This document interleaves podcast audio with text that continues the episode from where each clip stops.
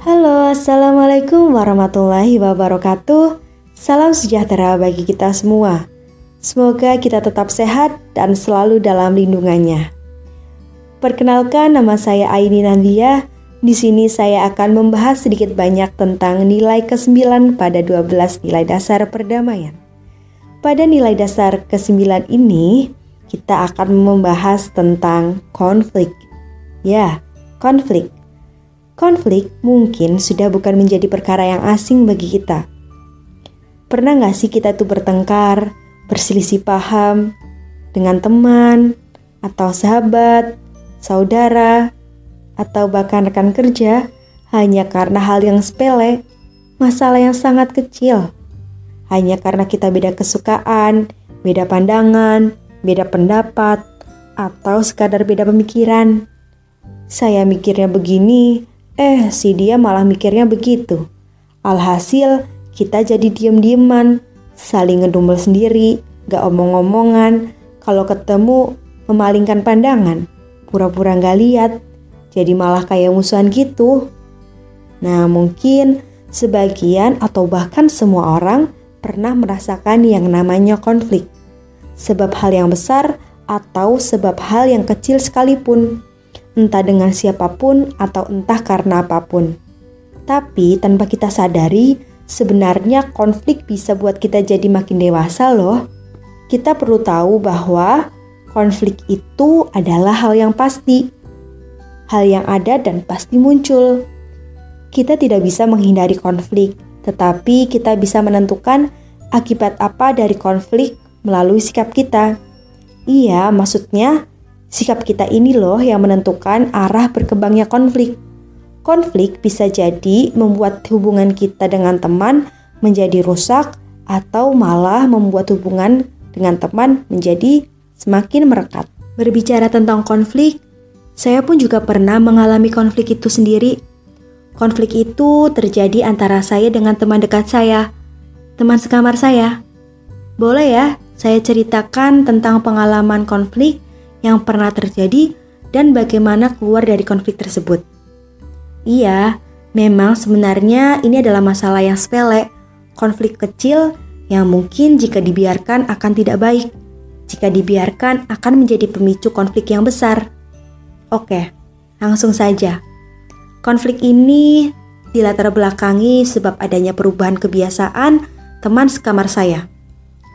Jadi teman sekamar saya itu berubah Biasanya selalu di kamar, selalu tidur di kamar, tapi kok sekarang dia nggak pernah di kamar dan selalu tidur di kamar sebelah, nggak tidur sama saya lagi gitu.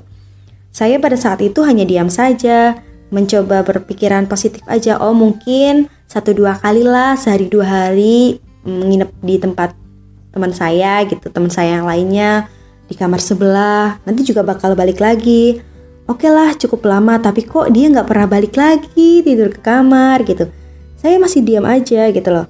Ya udahlah masih ya udahlah gitu. Terus sampai ada di mana waktu itu teman saya yang lainnya tuh bertanya sama saya eh teman sekamarmu itu loh kok nggak pernah tidur lagi sekamar sama kamu? Gitu.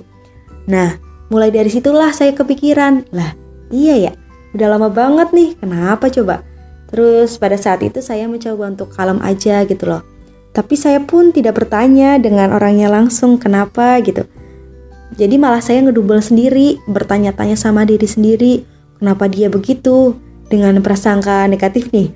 Ah, mungkin dia lagi marah sama saya, mungkin dia lagi sebel sama aku. Oh, mungkin dia lebih suka tidur sama temanku yang itu daripada sama aku gitu. Iya, kemungkinan-kemungkinan yang saya ciptakan itu sendiri Sampai-sampai kita pun gak pernah ngobrol sama sekali, gak pernah bertegur sapa. Bayangin loh, padahal kita sekamar kan. Nah, cukup lama berlalu, saya kok jadi nggak enak hati sendiri gitu loh sama diri saya dan teman saya. Kok iya, masa mau kayak gini terus? Udah besar loh, masa karena hal kecil, hal sepele yang nggak tahu ke kebenarannya juga, kita masih terkungkung di dalamnya. Masa kita larut gitu kan? Akhirnya saya beranikan diri untuk memulai pembicaraan, mulai menanyakan. Sebenarnya memang tidak secara langsung. Saya mencoba memberanikan diri bertanya dengan mengirim pesan lewat secari kertas gitu. dengan menuliskan segala gundah gulana yang saya rasakan selama itu gitu. Saya selipkan surat itu di antara jajan-jajan kecil untuknya. Terus tidak lama dari itu, saya mendapati ada secari balasan.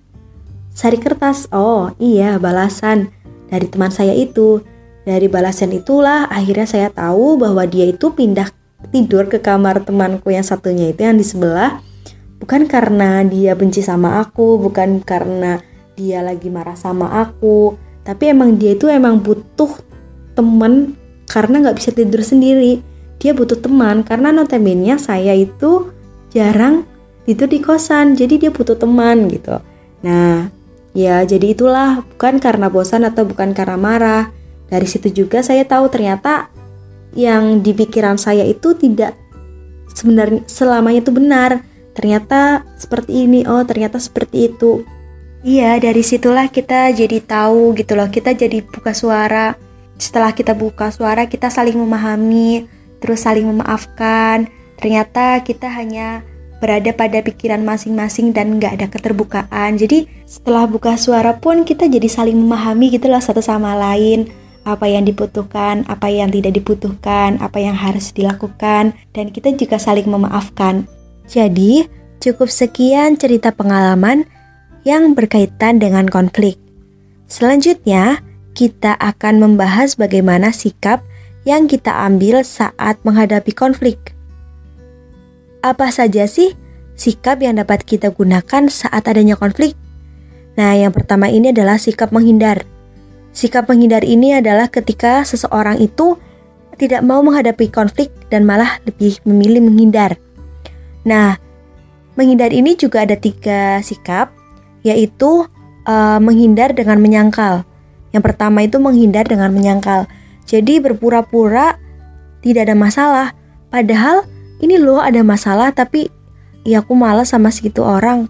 Ya udahlah biarin aja pura-pura nggak tahu aja padahal ada. Ya udah gitu, menghindar dengan menyangkal. Yang kedua, menghindar dengan menyalahkan.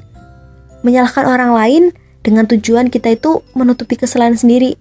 Padahal aku tahu aku yang salah, tapi aku pura-pura aja ngomong, "Eh, si itu loh yang salah.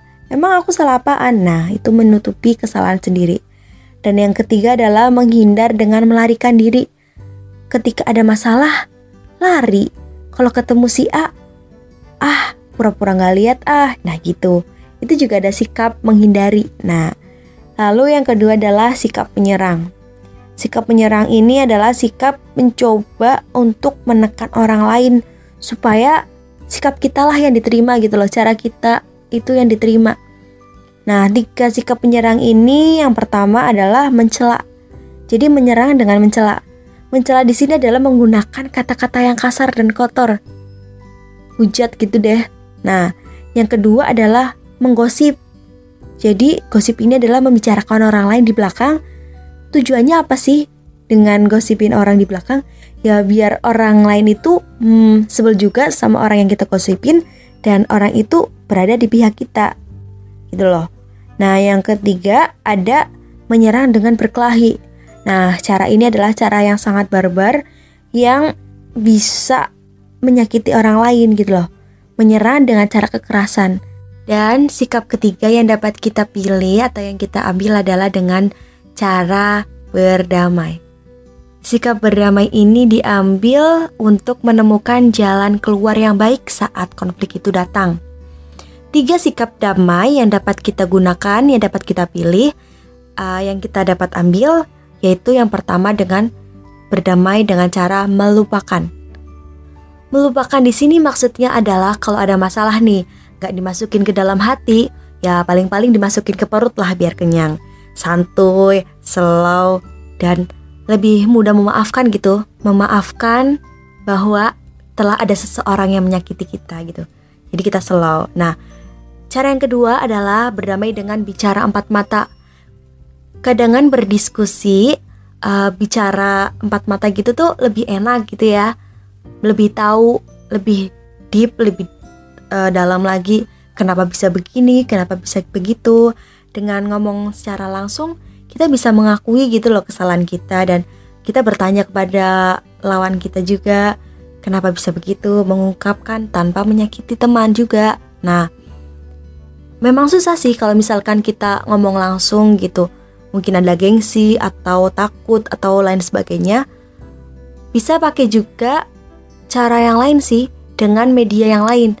Nah, maksudnya berbicara empat mata tapi tidak secara langsung dengan media yaitu surat. Bisa tuh seperti yang pernah saya lakukan kepada teman saya itu. Nah, iya kalau kita nggak bisa sampai susah nih untuk bicara pakai video juga susah kita bisa nih pakai cara yang ketiga yaitu adalah dengan meminta bantuan orang lain. Kita cari orang lain yang sebagai penengah mediator yang bijaksana gitu loh. Kalau misalkan sama-sama nggak bijak eh malah jadi perusak. Kan sama aja dong malah ada konflik baru lagi. Jadi kalau bisa itu penengah itu adalah yang mencari jalan keluar ketika sudah buntu semua gitu loh. Nah, dari ketiga sikap yang tadi telah dijelaskan, ada sikap yang bisa menjadikan kita semakin dewasa dalam menghadapi konflik atau masalah. Kira-kira nih sikap yang mana yo? Yaps, bener banget. Kita bisa pakai sikap yang ketiga, yaitu dengan cara berdamai kalau kita mau konflik yang kita hadapi itu menjadikan lebih dewasa. Nah, selain menjadikan lebih dewasa, Sikap yang ketiga ini bisa jadiin kita hubungan kita dengan teman jadi lebih baik lagi, malah mungkin semakin erat. Tapi nih, jika kita mau hubungan nggak mau baik-baik aja atau mau barbar atau mau rusak gitu ya, ya udahlah bisa tuh pakai ke pertama atau keempat.